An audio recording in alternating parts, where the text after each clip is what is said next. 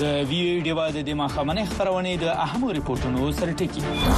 پاکستان کې د انتخاباتو وروسته د نوي حکومت په جوړولو د مسلم لیګ نون او پیپلز پارټي او اتفاق خو د نوي حکومت خلک څومره خوشبین دي او د پیپلز او مسلم لیګ نون د اتحاد خبر د ونډو په بازار څه اثر غورځولی د سیډونکو خبرې به هم واوري د پښتونخوا ملي عوامي پارټۍ مشر محمود خان اڅکزي په ډیورند کرخه باندې د لګیدلی ازغن تار د لری کولو غواخ کړی دی انتخاباتو کې د خپل ګوند د ناکامۍ نه وروسته محمود خان اڅکزي د تاجر لغړی اتحاد پر لټه ورغلی او سره یې ملاتړ څرګند کړی نن د مورنۍ ژبو نړیواله ورځ ده او څېړونکو وايي پاکستان افغانستان کې د مورنیو ژبو تحریکونو زور نیولای او وړې ژبې په کې د خپل بقا په جګړې بوختې دي مورنۍ ژبې څنګه ساتل کېدای شي د ماهرینو نظر به واوري او امریکا په غزه کې د موقته او مشروطه دزبندۍ په خاطر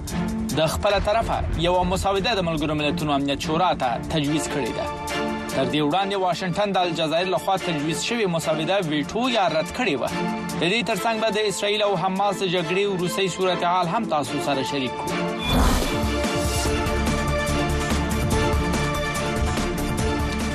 ستړي مشه په خیر راغلی دا وخت په پیښور کې د ماخوسن لاس په کابل کې د ماخوسن نه نیمه او دلته په واشنگټن ډي سي کې د غرمې 12 بجې دي د وی وی ډیوه د روانو چارو خبرونه زه فواد لامي تاسو ته وړاندې کوم د ورځو ورځو مذاکراتو وروسته پاکستان مسلم لیګ نون او پاکستان پیپلز ګوند په مرکز کې د حکومت جوړولو پر سر اتفاق ته رسیدلی دی په نوي حکومت کې به د مسلم لیګ نون شهباز شریف وزیر اعظم او د پیپلز پارټي شریک مشر آصف علي زرداری د ملک صدر وي چېرونکو وایي د پاکستان نوې حکومت به که یو خوا د سیاسي ستونزو سره مخامخ وي نو بل خوا به یو ستونزمن اقتصادي صورتحال هم ور په غاړه وي. په مرکز کې د حکومت جوړولو په اړه د اعلان وروسته د هغه د شروع په ورځ د پاکستان په سټاک اېکسچېنج یا د ونډو په بازار کې تېزي ولیدل شوه. نور حال د الیاس خان په رپورټ کې.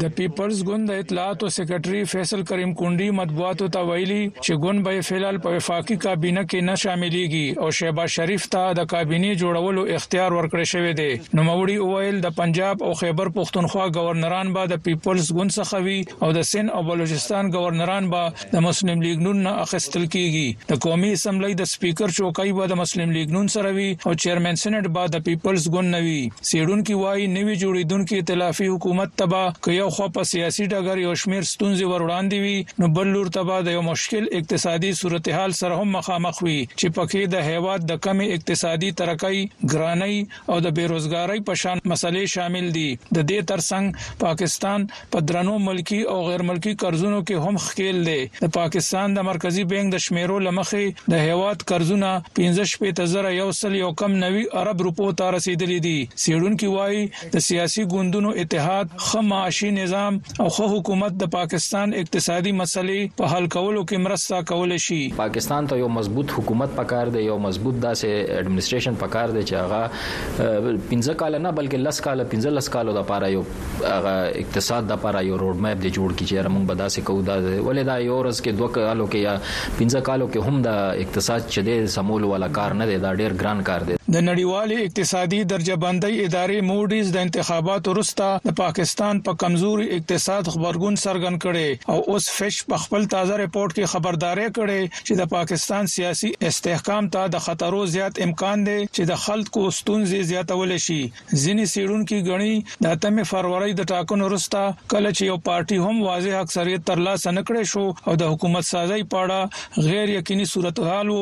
د مخلوط حکومت د جوړېدلو اعلان وروسته دغه سیاسي بې ثباتي ختمه شوه خو په پارلیمان کې به نوی حکومت د یو تکړه حزب اختلاف سره مخامخ وي اکنامک فرنٹ کے اوپر بہت بڑے چیلنجز ہیں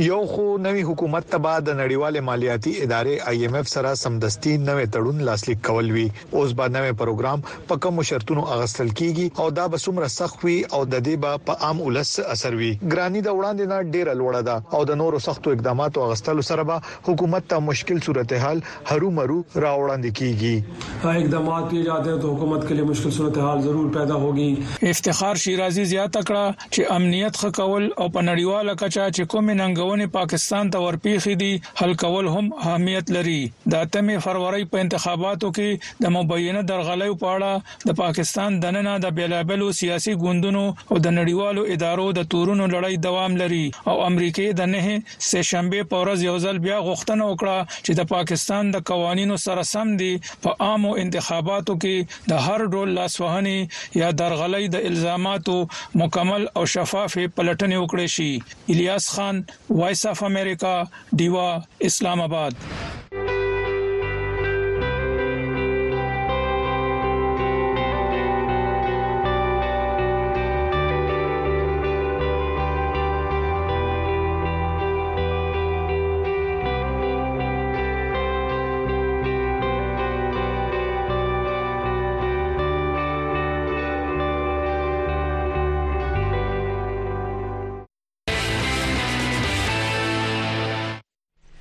په پا پاکستان کې د هفته د خالي شنبه ورځ راهیسي د ټولنیزو رسنیو ویب پاڼې ایکس یا په خواني ټوئیټر د بندیدو اطلاعات مخ ته راغلي دي خو د پاکستان حکومت په دې اړه تر اوسه څه نه دی ویلي پاکستان کې د انټرنیټ صارفینو په دې بندیز څه غبرګون خوده د ډیوه خبريال وقار احمد لڅو تنو سره په دې اړه خبرې کړې دي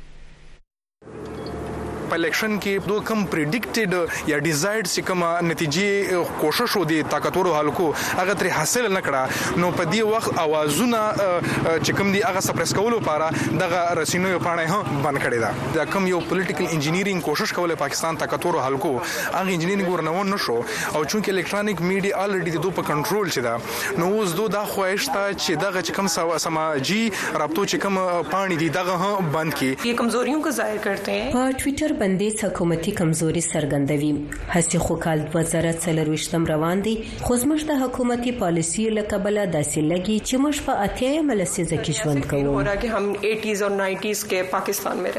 نو دا ډېره د افسوس خبره ده چې په دا ټیم ټول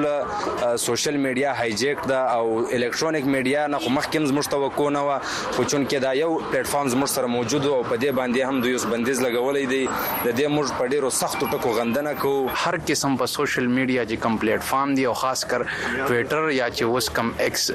سوشل میډیا اکاونټ دی نو په دې بندیز داسې دی لکه چې په ښکته سطح باندې په لوکل سطح باندې د عوامو په مرو باندې لاس کېږي خلک یو اپینین ورکوي او خلک خپل یو ډیسکرنټلډ یا کم چې خفه دي خفګان ښکار کوي نو په دارنګ حالاتو کې کته ټوئیټر هم بند کې بیا دا غالب دا ډیره شور خبره ده چې خلک به بیا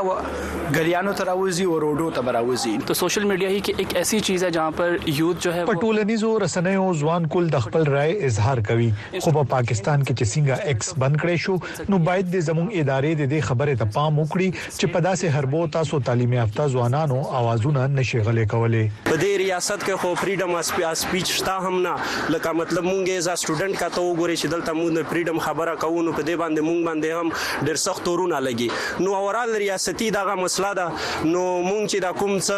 ټویټر بند شوی دی د دې مونږ په سخت الفاظو کښې مزامت کوو. د بدلون په وخت کې کله چې نړۍ د غیر یقیني سره مخامخ کاری او کله چې موږ ساورو هغه هغه شان نه ښکاری چې څنګه یې وینو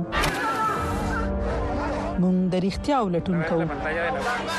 موږ ته چې کله نیمګړی قصه ویل کیږي موږ په باور بیلو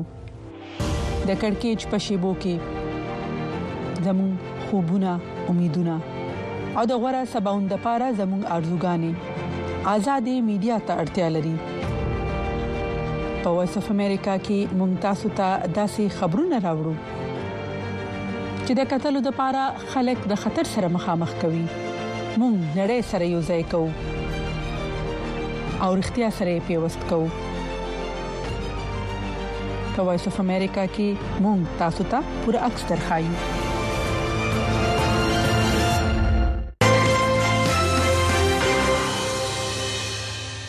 بیا هم بخیر راغلی د پښتونخوا ملي عوامي ګوند مشر محمود خان اڅکزی په ورستیو انتخاباتو کې د خپل ګوند د ناکام کېدو نه پس اوس په چمن کې له میاشتو راهیسي جوړ شوی پرلت ورغلی او حکومت ته ګواښ کړی چې که چیرته د احتجاج کوونکو غوښتنې نه مني نو هغه به د سیمې د خلکو سره ولاړ شي او په ډیورنډ کرښه لګیدلی ازغن تار به ایسته کړي بیا چې د پاکستان حکومت کومه سزا ورکوي ورته به تیار وي دغه احتجاج د پاکستان د چمن او د افغانستان د سپین بولدک ترمنځ سفر د پاره د پاسپورت او ویزې د شرط خلاف شروع شوې دي نور حال نعمت الله سرحدي په دې رپورت کې وړاندې کوي یو ډیورنډ لاین دی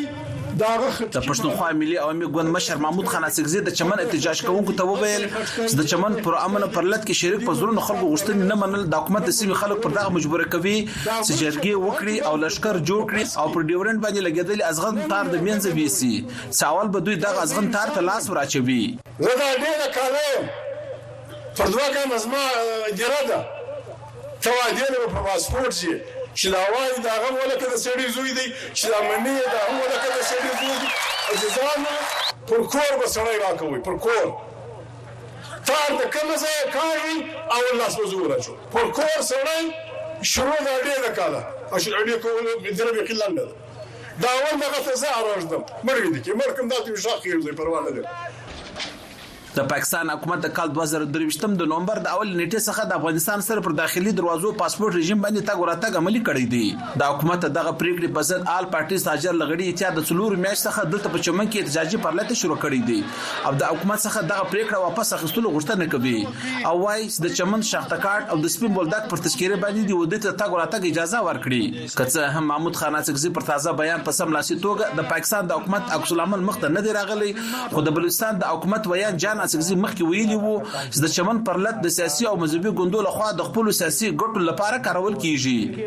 جان اڅکزي د جنوري پر پنځلسمه په کوټه کې په یوه خبري غونډه کې ویلي وو چې له افغانستان سره د تګ راتګ له پاره د پاسپورټ او ویزې شرط په سختي سره عملي کیږي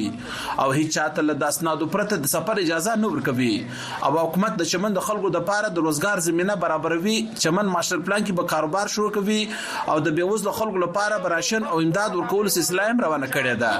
د پښتونخوا ملي عوامي ګوند مشر محمود خان اڅکزي و پرله ته وویل چې د پاکستان افغانستان د چمن پر پوله د خلکو تګ او راتګ پر پاسپورت کول ورته منظور نه ده د ډیورنډ پر لاس لیک کې هم لیکل شوی دی پر دغه کرښه باندې قبایل آزادانه تګ او راتګ کوي خو څه پیښه شوې ده چې دلته آباد قبایل د پاره اوس پاسپورت لازمي کوي مشر محمود خان اصفزي د چمنو پر لته په خپل وینا کې د پاکستان پر اوسني انتخاباتو هم سختې نیوکې وکړې د چمن د پرلت ویان صادق اصفزي سره د درې ملګرو په چمن کې د پاسپورت دفتر د بندولو په تور پرون چارواکو نیولې وو هغه تیر شپه نا وخت په چمن کې د سختو تجاجونو ورسته چارواکو راخوشي کړل د چمن پرلت کوونکو د تیر درې میاشتو راځي داسې د سپین بولدک او چمن بابې دوستي لوی لار هم بند ساتلې ده سلوجي ټوله قسمه تجارتي او ترانزیټي چاري په ټپه ولاړې دي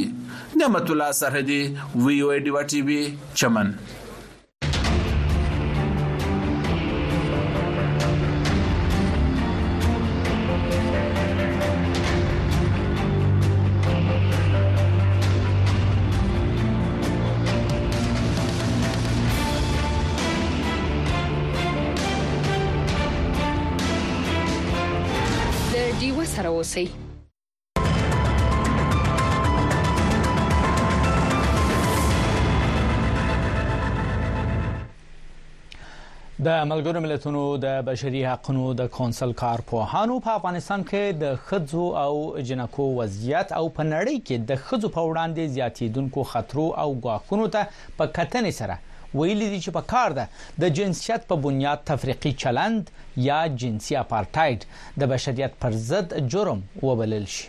دغو کارپوهانو ویلي، په افغانستان کې د ښځو او جینکو په وړاندې د طالبانو تګلارې تفریقي چلند، ظلم او جنسیتي اپارټاید ګڼل کېدای شي. په دې اړه نور تفصیل به په نیویارک کې زموږ خبریال فضل الله راسره شریک کړي چې همدا اوس د سکایپ د لارې راسره په پروګرام کې دی. فضل الله سړی مشه په خیر راغلی. سلامونه. د ملګرو ملتونو کارپوهانو په څه دلیل د طالبانو روي ته د جنسيتي اپارټاید یا تفریقي چلند نوم ورکړي او په دې قسمه بیانونو باندې د طالبانو عکس العمل څه دی؟ څنګه تاسو د خپل خبرو په پیل کې وی هم دغه سیده چې د ملګرو ملتونو د بشري حقوقو چې کوم کمیټه ده دا غي تیر ورځ چې دنو هغه غونډه شو په هغه کې د ملګرو ملتونو چې کوم غړي ملکونه دي هغه هم دغه خبره چې ده په دغه باندې بحث شو کنور یو شمیر موضوعات هم خو په هغه کې بنیادی چې کوم موضوع نو هغه په افغانستان کې د بشري حقوقو چې کوم سرغړونه روانه ده البته چې کوم د جینکو په ماشومانو په تعلیم باندې کم بندیز دی یا بیا چې کم زنانو ته د کار کولو اجازه نشته یا په صنفي بنیاد باندې دا غي سره توپیری چلن کیږي نو په دغه حواله سره خصوصي خبرې شوې او د کمیټای یا د دغه چې کم غړي ملکونه دي نو هغه په دې باندې چې دنو په دې خبره رسیدلی چې دا توپیری چلند دې بند کړی شي او که نه وي نو دا به بیا په افغانستان کې د جنګي جرمونو په ضد باندې به دا هغوی په دې باره کې فیصله کوي دغه حوالې سره چې دی که تاسو وګورئ نو لا د طالبانو داسې حکومت لخوا څه غبرګون نه دی راغلی خو همیش له چې کله هم د صنفي یا د توپیري چلند کیږي یا د بشري حقوقو سرغړونه کیږي یا زنانه او ته یا جنکو ته د تعلیم اجازه نه ورکول کیږي نو هغه هم دغه موقف چې یره د افغانستان خپل داخلي مسله ده او دلته کې چې دنو هغه دغه تورونه ردوي اکثر که تاسو ګوري په خپلو کې په پروګرامونو کې او هغه وی چې دلته هر چاته برابرې په توګه باندې د ژوند تیرولو حق دی خو بیا نړۍ چې کوم غبرګون خودل کیږي نړۍ د خوا یا د مختلف د ملګرو ملتونو د غړي ملکونو لخوا نو هغه هم حقیقت ته چې الته کې د جنکو ته یا د زنانو ته د کار کولو اجازه نه ورکول کیږي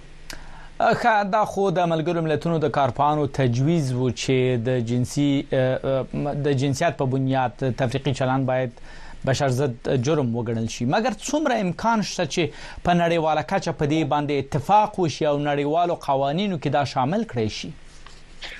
دا څه د تاسو ګوري چې د ملګرو ملتونو مختلف د غړو ملکونو د دی مختلف کمیټی وی په تعلیم باندی کار کوی چه که چرته په نړی کی د صحت ستونزی وی په هغی باندی کار کوی د بشری حقونو چرته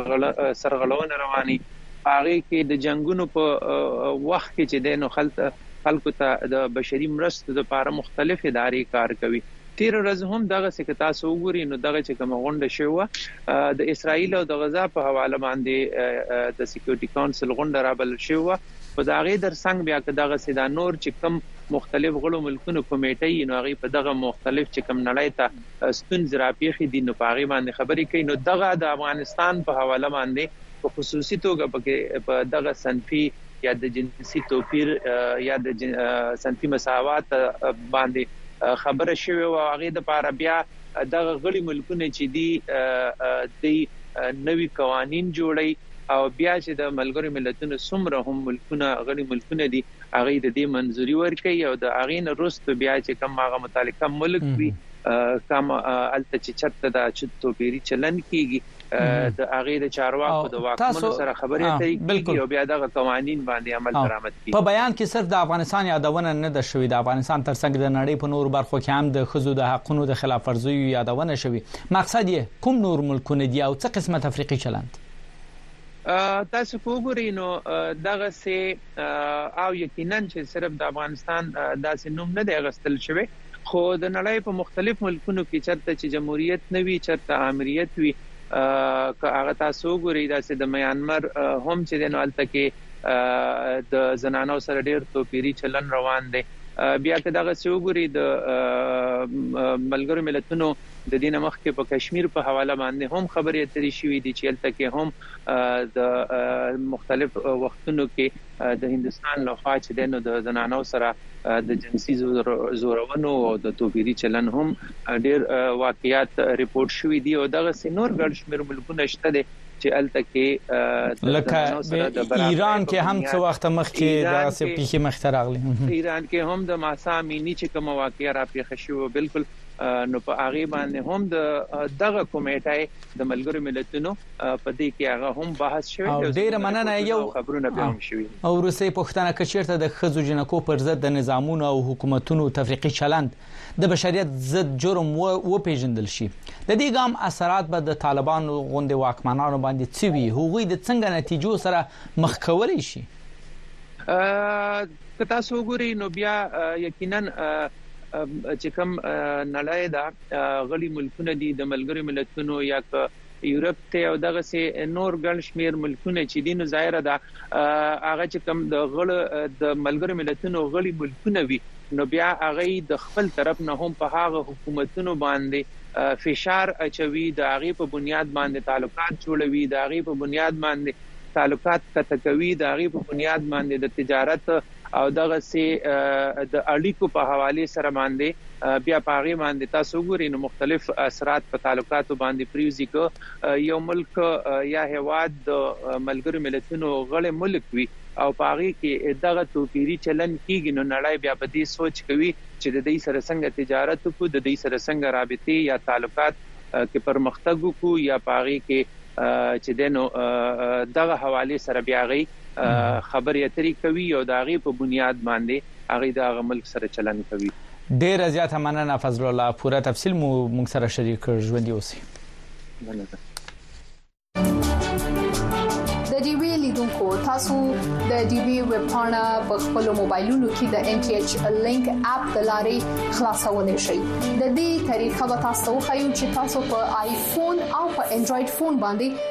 څنګه کولای شئ چې داغه اپ ډاونلوډ کړئ او له هغه ځای څخه د ډي وی ویب پاڼه وګورئ د ان ټي ایچ لینک اپ ډاونلوډولو لپاره که تاسو سره آیفون وي نو تاسو خپل اپل سٹور پرانځئ او که له تاسو سره انډراید فون وي نو تاسو ګوګل سٹور پرانځئ له هغه وروسته لټون کې ان ټي ایچ لینک ولیکئ او دغه اپ ډاونلوډ کړئ په دویم پړاو د آی اګری تڼۍ کې کاږئ او بیا د فلګ لاندې د کنیکټ تڼۍ کېکاږئ او په دریم پړاو کې بیا د اوکی تڼۍ یا بټن کېکاږئ له کنیکټ کېدو وروسته تاسو د دې ویب پاڼه پرانیزئ او د خپلې خوښې خپرونې وګورئ او له هغه ځایه تاسو کولی شئ چې د خپلې خوښې ټول پروګرامونه ریپورتونه او لیکنې ولولئ او وګورئ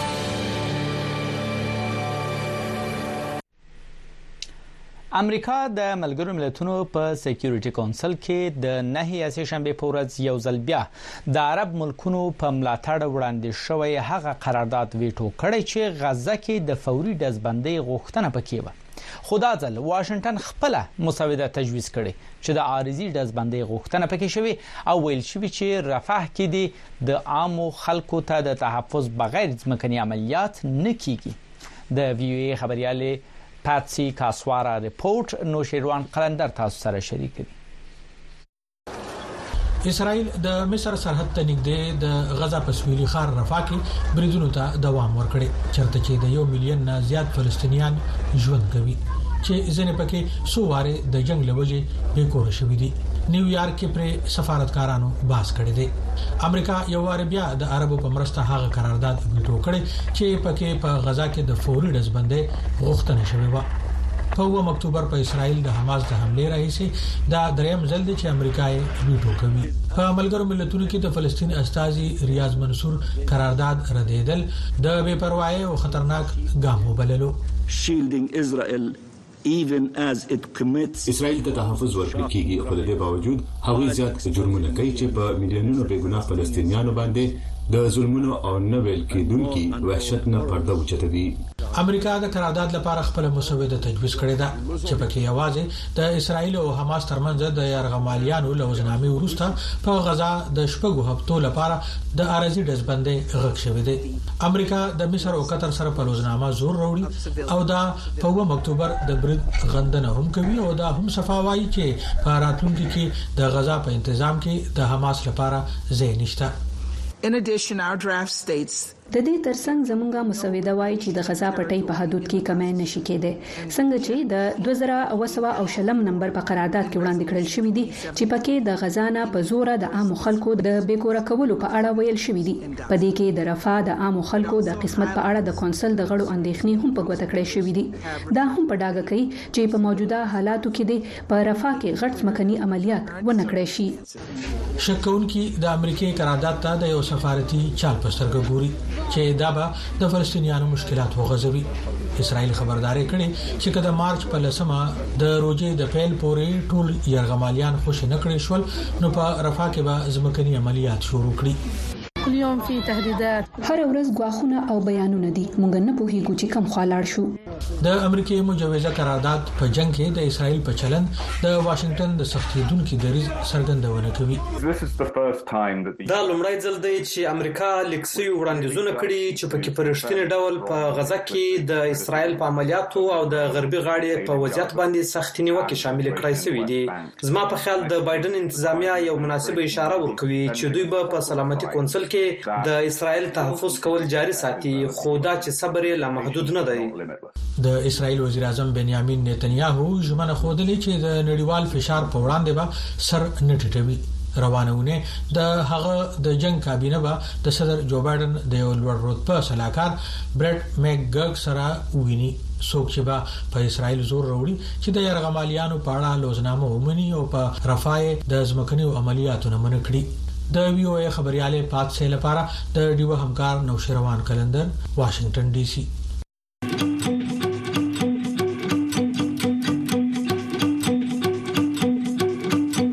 وي او ای ډیوه په سټیلایټ ټي وي هره ورځ سلویریش ساته په دیشنټینا تاسو په یو ټل سټلایټ په ټي وي تازه تولا او به طرفه خبرونه بحثونه او سیړنی کتلې او اوریدلې شي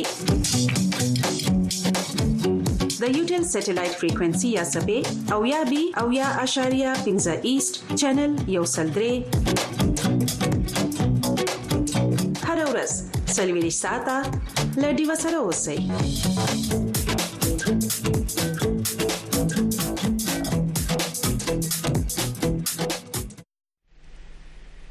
بیا هم په خیر اغلی دا د وی ډیو د روان چارو خبرونه ده چې د واشنگټن ډي سي نه تاسو ته خبريږي د روس له خوا په اوکرين باندې د پوځي يرغل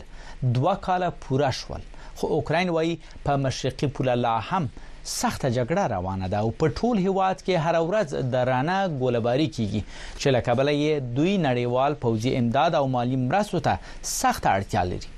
په عین حال کې د امریکای کانګرس هم د اوکراین د مالی امداد قانوني مسوده یا بل ځندولې دي چې په دې وخت کې اوکراین ورته ډیر سخت ضرورت لري نور تفصیل د وي او ای د خبریالې میروسلاوا ګونګادزي رپورټ تاسو ته بختور شاه وړاندې کوي. په یوکرین د روس لخوا د پوځي یرغل د دویمې کلیزې نه څو ورځې وړاندې د دغه هیواد پوځونه د دونیسک سیمې د ایف دیوکا ښار نه وتلي. په امریکا کې د دې ناکامۍ پړه سپینه ماڼۍ په کانګرس ور اچوي چې په وخت یې د یوکراین سره پوځي مرستې نه دي کړي او زیاتوي، یوکراین ښه په مړانه جنګیږي، خو ورسره د وسلو کمی دی. د ایوډیوکا ښار نه د وتلو په ورځ د یوکراین صدر زیلنسکي د میونخ کانفرنس ته وویل. دا تپوس د یوکراین نه مه کوئ چې جنګ به کله ختمیږي، دا تپوس د خپل ځان نه وکړئ چې پوټن ولې تر اوسه د دغه جنګ د جاري ساتلو توان لري؟ په کیف ښار کې یوکریني وګړي دا یو ګران وخت بولي او یو اوږد جنګ ته تیارۍ نیسي. د کیف انډیپنډنټ اخبار مدیره اولګا روډینکو په خپل دفتر کې وه چې په کال دوه زره دوه ویشت کې د فرورۍ په میاشت کې روس حمله وکړه. دغه وخت د هغې د انلاین کار څو میاشتې شوې وې. Antony Blinken said that the invasion of Ukraine is gonna start. انټوني بلینکن وویل، د سحر نه وړاندې وړاندې به په یوکرین حمله کیږي او همهغه وخت دغه خبره رښتیا شوه. کله چې صدر پوتین د حملې په شپه خپله وینا ختمه کړه، هغه وخت هم میرمن اولګا په کار لګیا وه. مونږ یو خبر جوړ کړو چی پوتین په یوکرین د جنګ اعلان وکړو او کله چی هغه وینا ختمه کړه نو مونږ دغه خبر چاپ کړو او هم هغه وخت مونږ د چاودنو غږونه اوریدل. پرله پسې دوه کاله د جنګ خبرونو خپرولو باندې د کیف انډیپنډنټ د دغی سیمې مرکزی اخبار جوړ شو چی په انګریزی کی خبرونه خپروی چی مقصد یی نړی په یوکرین کی په روانو حالاتو خبرول دی. دلته کار کول د مایوسۍ ډک دي او کله چې خبرونه راځي چې امریکايي کانګرس یوکرین ته د مالي مرستو په بیل رایه نه ورکوي، کیدای شي دا د هغوی لپاره صرف یوه شمیره وي خو زموږ لپاره دا ژوندي خلک د خلکو ژوندون دی. ولادیمیر اومیلین د یوکرین په پوځ کې میجر دی. دی په یو وخت کې د یوکرین د ودانیو وزیر هم پاتې دی. د کیف په یو چوک کې ولاړ دی او د یوکرين په موجوده حالاتو رڼا اچوي. We become much stronger. موږ په وسله او په خلکو ډېر مضبوط شوي یو. یقینا دا یوه د خوشحالۍ موقع نه ده او نه دا ده چې ګني جنګ به په څو هفتو کې زر ختم شي. له بده مرغه به په دې کې وخت ولګي خو حوصلې مو لوړې دي کله چې ستاسو ارادې نه وي نو ګټه نه شئ کولای او زمونږ ارادې مضبوطې دي. خو کیف کې خلک هیله من دي جنګ به زر ختم شي. زه مور او پلار لیدل غواړم هغوی بهر دی او زه دلته یم ځکه چی زه هغوی له نشم تللی. مونږ هره شپه او هره ورځ یریږو مونږ په خپل وطن کی امن غواړو مونږ غواړو چی پوټن جنګ ودروی او مونږ له خپل سیمه بیرته راکړي دا به یو لوی جنګ وي زه ډیره یریږم یوکرین به د دې لوی دښمن نه ګټه ونه کړي ترڅو ورسره نړیواله ټولنه ونه دریږي. یوکرایني وګړو وایس اف امریکا ته ویلي، که د هغوی حاجت شو، نو د خپل ملک په دفاع کې به جنګیږي. هغوی وايي، امید دی چې نړۍ په دې خبره پوه شي چې هغوی د جمهوري اقدارو لپاره جنګیږي او ورته د کمک ضرورت دی.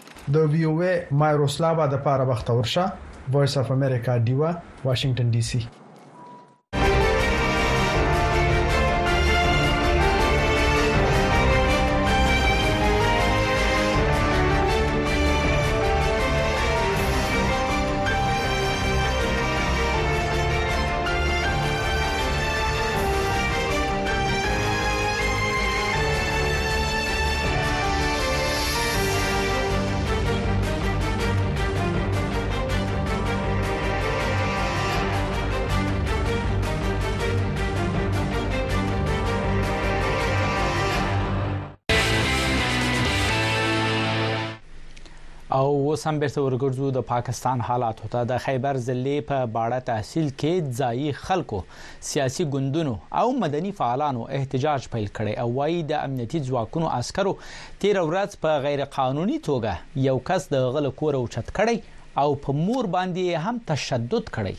چارواکو ویلي چې په ښځه یې تشدد نه دی کړی او اوچت شوی تن حکومت ته مطلوب و. په دې اړه نور حال فرید شینواری وړاندې کوي.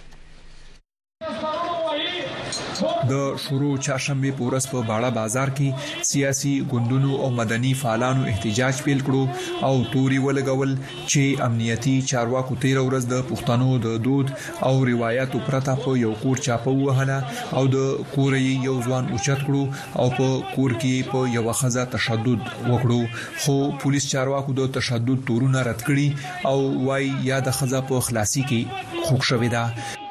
نن دلته احتجاج شروع وو ډیر په زراو خلک راوتی وو په دې واقعیا باندې هغه چې کله موږ راغو بیا د پولیس ډپارټمنټ چې کوم دی مشران راغل او زموږ سره مذاکرات وکړو چې موږ مذاکرات کوو بیا موږ چې څومره سیاسي سټیک هولډر دي موږ کېناستو موږ مذاکرات وکړو زموږ سلور ډیماندو چې پیل خبره خدا وا چې موږ به هله مذاکرات کوو چې تاسو پیل لاړ شئ د موراکي کور ته د هغه سره چې کوم دی ملاو شي د هغه نه نواته وکړي د قبایلی رسم او رواج په مطابق باندې پولیس ډپارټمنټ راغو د مورکی کور ته هغه ته صدر واچولو صدر ور پر سر کو او سره چې کوم نه ګډانه راوستل احتجاج کوونکو وویل په سیمه کې په غیر قانوني توګه ځوانان د خپل کورونو نه اوچتول کیږي او عدالت ته هم نه وړاندې کیږي دوی غوښتنه وکړه په سیمه کې د امن په ځای کړی شي خلک دینه اوچتول کیږي او بې درکه کسان دي زر تر زره عدالت ته وړاندې کړای شي. د خیبر باړې بازار کې د ځايي خلکو احتجاج سهار د یوولسو بجو نه د مازیګر تر څلورو بجو پورې روان و او د احتجاج له کبله لاره تړل شوې وه. نو پکار دی چې عدالت د هغه جرم لاندې د له خپل سزا ورکی که هغه قید یو که هغه بل څه جرم وي که هغه جرمانه وي مونږ وایو چې ته اغوا کوه ما چې مثال په تور باندې زمونږ نوجوانان اغوا شي سلور میاشتې پنځه میاشتې یا کال یا دوه کاله یا لس کاله بعد کله هغه ژوندې را شغله دا پته نه لګي چې ما دا وخت چرته تیر کړی دی ما په دې وخت کې روټي خوړل کنه مې خوړل ما مونږ کولو کنه مې کولو کله کله ډیر داسې وشول چې ډیر نوجوانان خلک اوچت کړي دوه درې میاشتې بعد پنځه میاشتې بعد یا کال بعد کله په یو ځکه د هغې لاش برامد چې کله په بل ځکه سیاسي ګوندونو غړو او پولیس چارواکو ترمنځ خبرو اترو پیل کېدو نه پس احتجاج ختم کړی شو او احتجاج کوونکو غوښتنې ومنل شوې په دغو غوښتنو کې ککړ تنانو په ضد مقدمه درج کېدل ننوات کول په کورونو چاپې وهلو کې به خزینه پولیس وي او اوچت شوی کسبه څلرشتیا دواویا ساتونو کې عدالت ته وړاندې کیږي فرید شینواری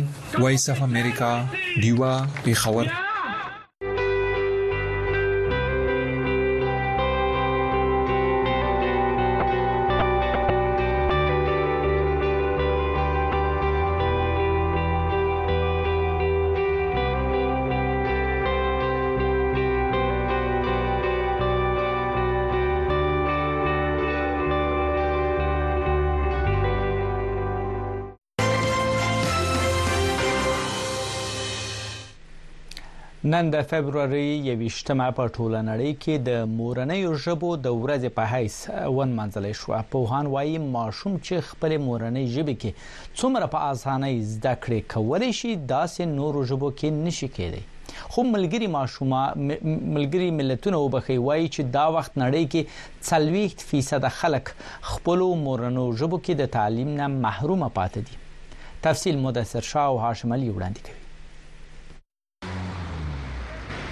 هر څوک د مورنو ژبو د نړیوالې ورځې په موقع یو شمېر پوهان فکر کوي چې پښتو ته په سرکاري سطح هغه ځای نه دی ورکړل شوی چې دا وده ومومي خو دی وايي د دې باوجود هم پښتو په وړاندې روانه ده.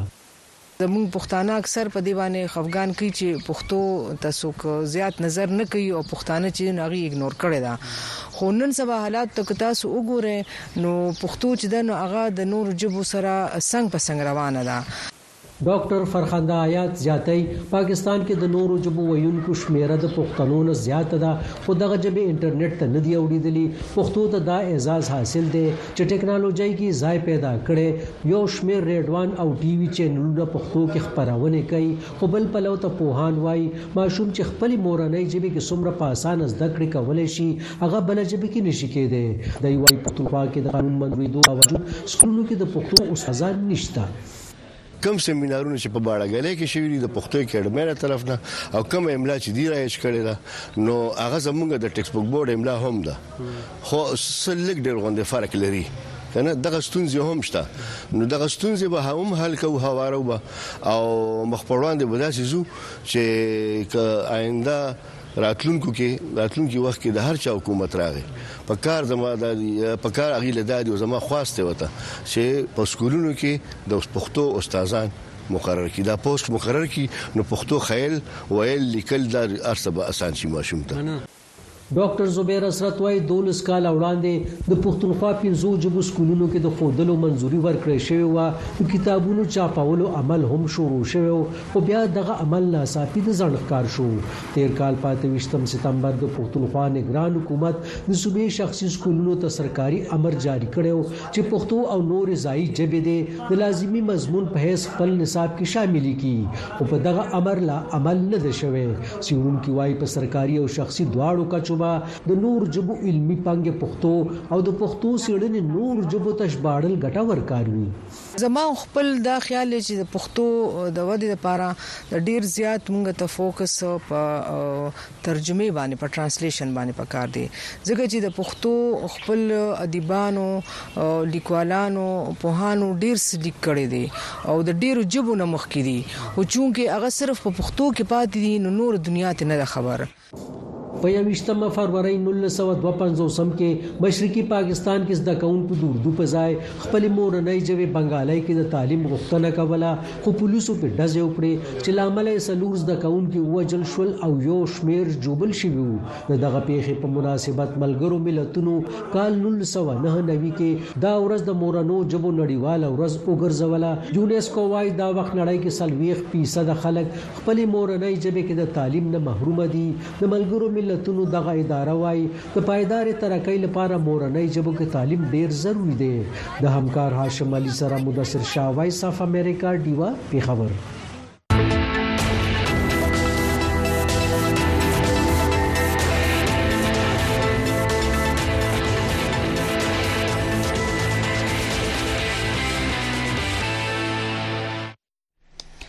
څېړونکي وایي پاکستان کې د مورنیو ژبو تحریکونو زور نیو اخیستی او وړې ژبې د خپل بقا په جګړه بوختې دي د عبدالولي خان پوهنتون طالب العلمان وایي باید مورنۍ ژبې پښتو ته د مور په نظر وکتل شي وپالل شي او ترقي دې ورکړی شي ځوانان وایي نوی کول د مورنۍ ژبې د اهمیت نه خبر نه دی او په کار ده چې پښتو د نصاب او اقتصاد برخه جوړه کړی شي په دې باب ریاض حسین د پوهنتون د څو تنو طالب علمانو سره خبرې کړې دي د دې ورځې په مناسبت سره به زه دومره وایم چې خپل یو شعر به وایم چې پښتو ته مې د مور په نظر وکتل پښتو ته مې د مور په نظر وکتل، زه يې ځان ته جوخته کړم، ښکلې يې کړم او زما پښتو زما څرمن ده، زما پښتو زما څرمن ده، دا نورې ژبې د لباس په شانتې دي. زه به خپله يو خبره وکړم چې زه هم د پښتنه سيمه چونکې زېږېدلې يم او هغسې په خپله پښتنه ژبه ګويا هم يم، نو مانه که خپله ذاتي تپوس وکړی شي او چرته بل چا سره مې کېنوی نو زيار چې خبرې کوي خپله کوي هغه خبره ده چې ژبه پردۍ په خوله کې نه ګرځوي زيار چې خبرې کوي خپلې کوي نو زه که څه هم وايم سر نو زه به هم په پښتو ژبه ګويا يم خو وايم چې کافي کار مورنۍ ژبه کې وکړی شي زه خپله يو کالم نګار هم يم زه خو خپله ليکوال هم يم داسې لږه غوندې شاعري هم کوم سر زه خو وایم چې باید کم د پښتو او پښتو ژبې سره تعلق لرونکي وي باید چې هغوی دا خپله ژبه مخ په وړاندې بوځي او وده ورکړي. زما صیام خان نوم دی او په ولي خان پوهنتون کې د صحافت زده کړیال یم د اتم سمسټر نو پښتو یوازې ژبه نه ده د یو قام ژبه نه ده بلکې دا یو دود دی یو تستور دی خلک یې پالي. نو باید چې دې ته پاملرنه وکړل شي او تر څو زموږ ځوانان او راتلونکی کول په دې باندې باخبره اوسي چې باچا خان بابا وایي چې څوک خپله ژبه هېره کړي، خپل کلتور هېر کړي، نو هغه د سیال قامون نه لرې وځي، هغه خلک په رسمي ډول بیا نه پېژندل کېږي. زموږ څومره چې نیمایي ځوانان دي د پوهنتون یا د نیمایي نه زیات، نو هغوی په پښتو لیک لوست نه شي کولای، ایون چې پښتو خبرې هم سمې نه شي کولای یا په پښتو سم غږېدلی هم نه شي، نو په دې کې سر زه که دا خبره زیاته کړم چې د ریاست ډېره ونډه ګرځېدای شي تر څو په پښتو ژبه کې که موږ وګورو ډېر ډېر په بخښنې سره یا متاسفانه چې په پوهنتونونو کې دې ته هغسې کتنه نه کېږي او بیا په لسیو کې یا په ښوونځیو کې که موږ وګورو د نش برابر ده خپله ژبه خپله او پکار دي چې د دې لپاره چې کوم دی خصوصا ځوان کول زموږ ځوان نسل چې کوم دی هغه راپاسي او د خپل ژبه مورنۍ ژبه څنګه چې په موږ باندې د خپل مور حق دی هغه شان دا ژبه موږ مور پایګه کې زده کړې ده په موږ باندې د دې حق دی نو چې موږ د دې حق ادا کو او زه د نننۍ ورځې په مناسبت سره څومره ځوانان چې ستاسو ته د مایک په وساته سره دا پیغام ورکوم چې څومره ځوانان زما आवाज اوري نو هغه له پکار دي چې کم از کم سنا سو وخت د پښتو لیک لوست ورکی د پښتو د کتاب لیکل کولې شي لوستل کولې شي د پښتو ژبه او د پښتو د پاره چې کوم خپل وختونه ورکی د دې د پرمختګ او ترقې د پاره خپل کوششونه وکړي ډیر ضرورت دی پښتو چې کله د نصاب ژبه نه ده پښتو کې د اقتصاد ژبه نه ده پښتو کې د موږ د بازار ژبه نه ده نو تر وخت پورې پښتو ممکن نه ده چې دا د ترقۍ په لار باندې لاړ شي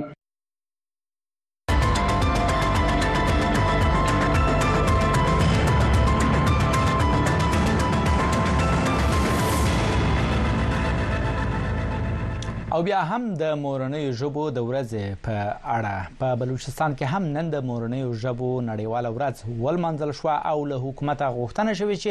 د مورنیو ژبو د ژغورنې لپاره د ګامونه واخیستل شي ځکه چې وایي ځینې ژبې د ورکیدو له ګواښ سره مخ دي حکومت وایي دوی په کلنۍ بجټ یا بودیجه کې مورنۍ ژبو ته مالی ونډه ځانګړې کړې ده خو په نصاب کې لا یو شمېر مشکلات شته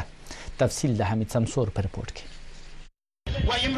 په بلوچستان کې د مورنۍ ژبو د نړیوالې ورځې په حق لبندي بیلابیل غونډې وشوې خو څلور ملتپالو سیاسي ګوندونو پښتونخوا ملي عوامي ګوند بلوچستان نېشنل ګوند مینګل نېشنل ګوند او هزاره دیموکراتیک ګوند دغه ورځ په خپل احتجاجي پرلت کې د کوټي د کمشنر د دفتر مخ ته ولمنځله وینا کوونکو ویل مورنۍ ژبه دلته په بلوچستان کې لپامه غورځول شوې ده دوی وویل چې په 2014 کال کې د پښتونخوا او د نېشنل ګوند حکومت مورنۍ ژبه په نصاب کې شامل کړي او قانون یې هم منزور کړی دی خو وایي چې عمل نه ور باندې کیږي او بقاعده مو اکټ پاس کړي لاسمبلۍ ځخه خو د بده مرغه زموږ د ګورنمنت له ختم کېدنګ ورستو کلاسونه هم شروع سو کتابونه هم چاپ سو بیا دې خبرې ته هغه ارزښت او اهمیت ور نه کړل سو اکټ موجود دی پر اکټ باندې عمل درآمد پاته دی قانون جوړ شوی دی مورنۍ ژبه کتابونه چاپ شوي وو اوس په هغه کوم رکاوټونو دوی چولې دي صوبایي حکومت ویي په بلوچستان کې د تعلیم په څنګه کې مالی او تکنیکی ستونزې موجود دي لدې کبله پر دې باندې عمل نه دی شوی په بلوچستان کې د مورنۍ ژبو د ورځپاڼو او مجلو خورونکو تنظیم ویایي چې دوی له ډیرو مالی مشکلاتو سره مخامخ دي د تنظیم په وینا حکومت یوازې د اردو او د انګریزي ژبو و ورځپاڼو ته اشتهارات ورکوي او دوی د دې جوګه نه دي چې په خپل مالی توان یې وچلوي سب سي بډا مسله جو هماري. تر ټولو لوی ستونزه اول خو زمونږ د بلوچۍ، براهوۍ، پښتو او دهزارې ژبو ورځپاڼې او مجلې د نشت برابر دي او چې څومره دي هغې ته خپلې ټاکل شوې ونډې نه ورکړل کيږي. د اردو او انګريزۍ ژبو ورځپاڼو لپاره شته خو چې کومې سيمه ايزې ژبې دي د هغې لپاره هيڅ نشته. وی وویل ډیوا په دې باب د اطلاعاتو نګران صوبایي وزیر جان اڅکزي ته د ټلیفون او د واټساپ له لارې په وار وار باندې پیغام ور واستوه خو هغه ځواب نه ووایي حکومت په تیرو وختو کې ویلي چې دوی په کلنۍ بودیجه کې د ټولو ژبو د ادبي اکیډمیانو لپاره مالي ونډه ځانګړې کړې ده چېرونکي وایي د پاکستان له جوړېدو وروسته تر اوسه پوري د لږکیو د ژبو سره توپیری چلند موجود دی او د براوي په شمول نوري ژبې هم د ورکېدو له خطر سره مخامخ دي باید چې دا ژبه تجارتي زبانونه وي دا سفارتي زبانونه وي دا سرکاري زبانونه وي او حساب کې دا ضروری دي چې دا نصابي ژبه په مورنۍ ژبه کې وي او هغه کې ساينسي تعلیم باید چې ورکول شي دریم شی د غدي چې هر څوک دا تعلیم نسی حاصل کولای تر هغه وخت پورې چې دا تعلیم مفت نه کوي لیکوالان ویي په نړیواله کچه څېړنې ښایي چې په نړۍ کې خلک په شاوخوا شپږ نیم زره بېلابېلو ژبو خبرې کوي چې اوس ځینې ډېر کم شمیر ویونکي لري د یونیسکو د رپورټ له مخه په نړۍ کې تر ټولو ډیر خلک په چینایي ژبه غږیږي چې شمیر یې تر 1.3 ارب خلکو اوړي همدارنګ اسپانوي، انګریزي، هندي، عربي، پرتګالي، بنګالي، روسي او جاپاني بیا په ترتیب سره تر ټولو ډیر ویونکي لري. حمید سمسور، ویویډیوا، کوټه.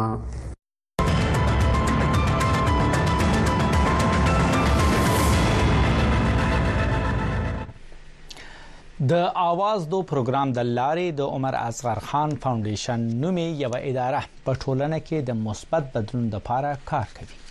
دوی دا کار د داسې ایجنټ سیا فعالانو د لارې کوي چې پکې زیاتره خځې او جنکۍ دي چې خپل کلیو کې دغه بدلون لپاره فعال دي دغو فعالانو په دې وروستیو کې په پېښور کې یوه غونډه هم جوړه کړې وه ساجا قاسم شاه د نورو جزئیاتو سره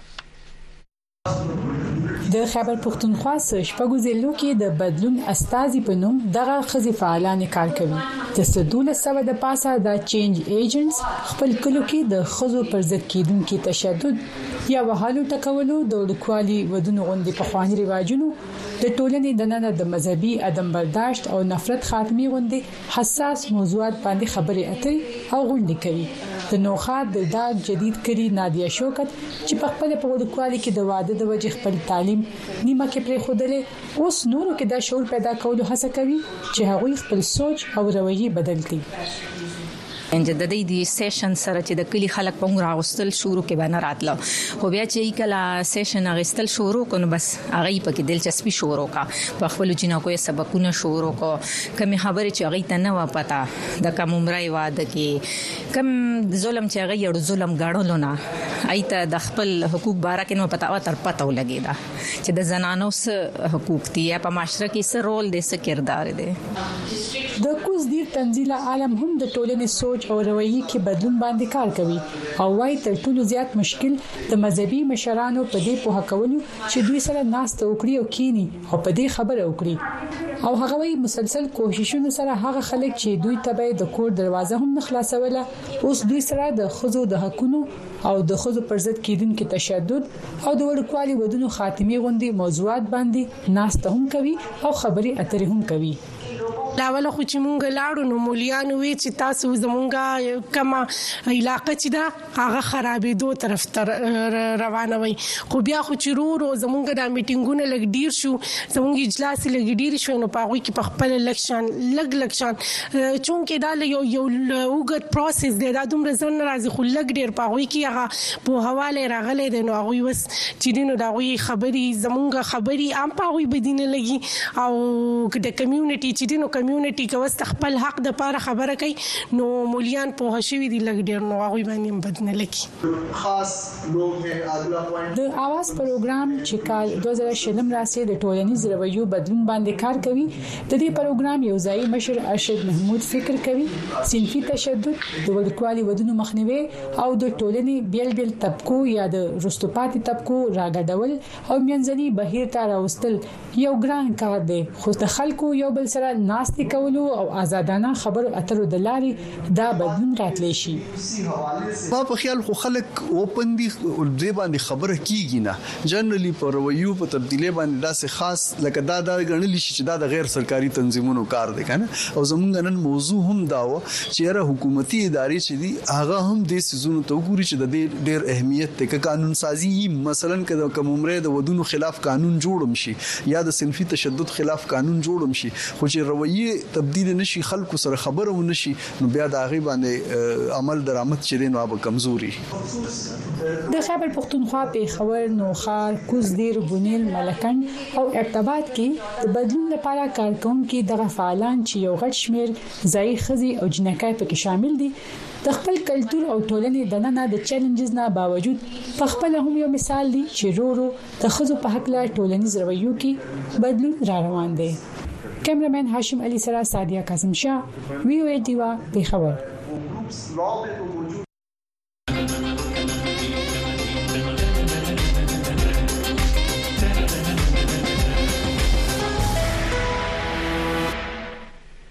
بیا هم پخیر راغلی. د سټیج تیاتر که یو اړخ ته هنري ارزښت لري، بل طرف ته ټولنې کې د آګاهۍ خورولو او د خلکو بیداره کولو لپاره یوه اغیزمنه وسیله هم ګڼل کیږي. د خیبر پښتونخوا په نوښار ضلعه کې د پولیو وایرس په هکله د آګاهۍ ورکولو په مقصد د یو سټیج تیاتر د تابیا شوې ده. په دې اړه نور تفصیل د صدام حسین خان په دې رپورټ کې. دلته د پولیو په اړه سټیج ټیټر روان دی د دې لیکوال نورالبشر نوید دی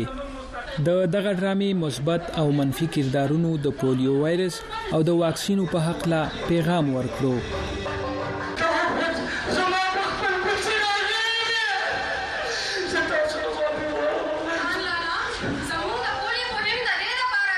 چې ماشومان د ټول عمر معذورتیانه بچ کړو. ننداره کوونکو کې ماشومان، ځايي مشران او د طب پوهان هم راغلي دي.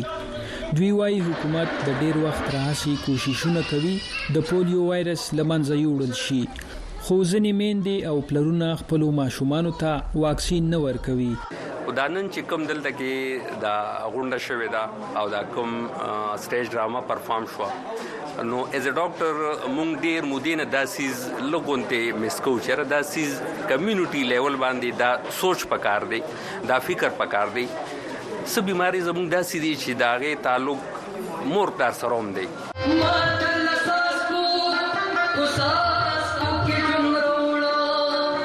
په غونډه نړۍ کې پاکستان او افغانستان دوه اخیرني هیوادونه دي چرته لا هم د پولیو وایرس موجود دی او د ماشومانو راتلونکي وخت یې د لوی خطر سره مخامخ کړی دی. پاکستان اور افغانستان کی هم دا پښتانو علاقو کی دا بدقسمتی سره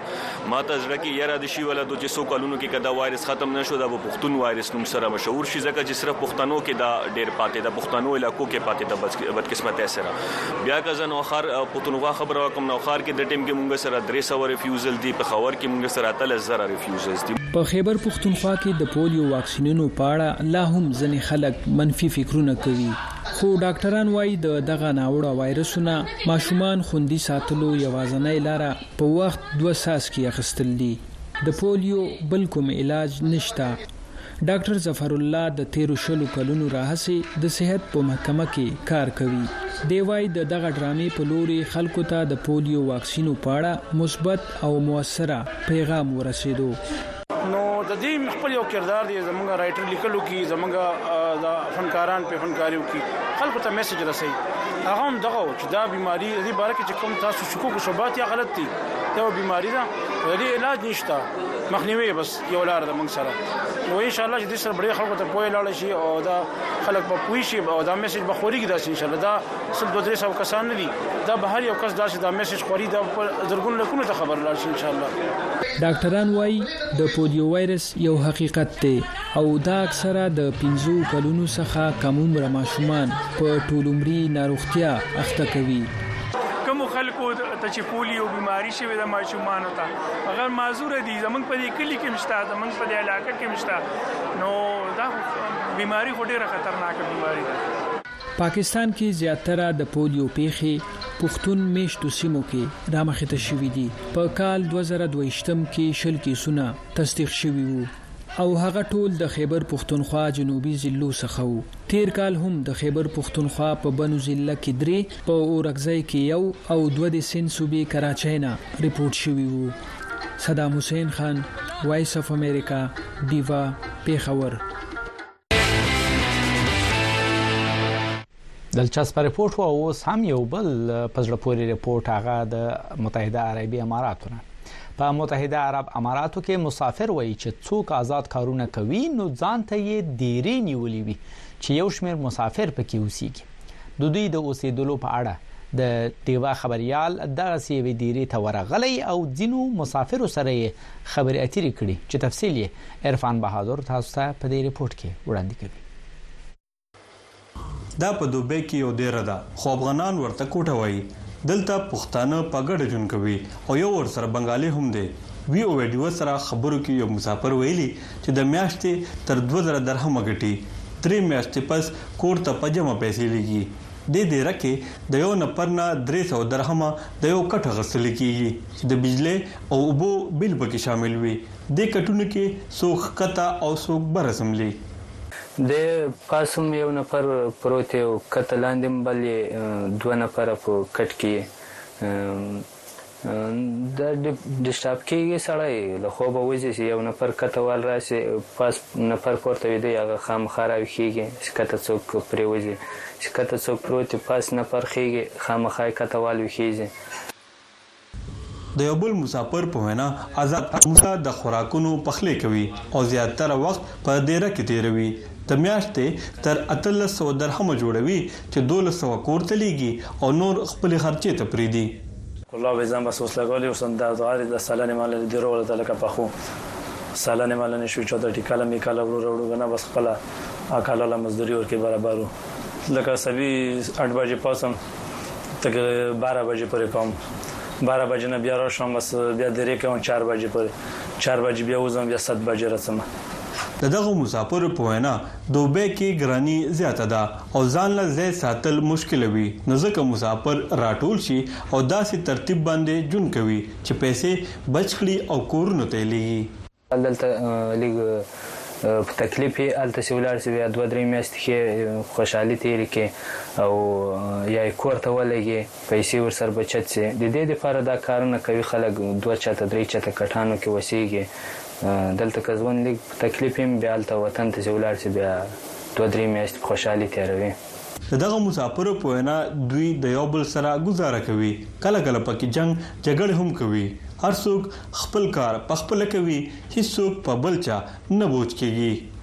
دوی وایي د دوبۍ د رنګینو نه خبر نه وي، خپل کارونه کوي، لږ مجلس لګوي، بیا وده کېږي او انتظار کوي چې کله به وخت پوره کېږي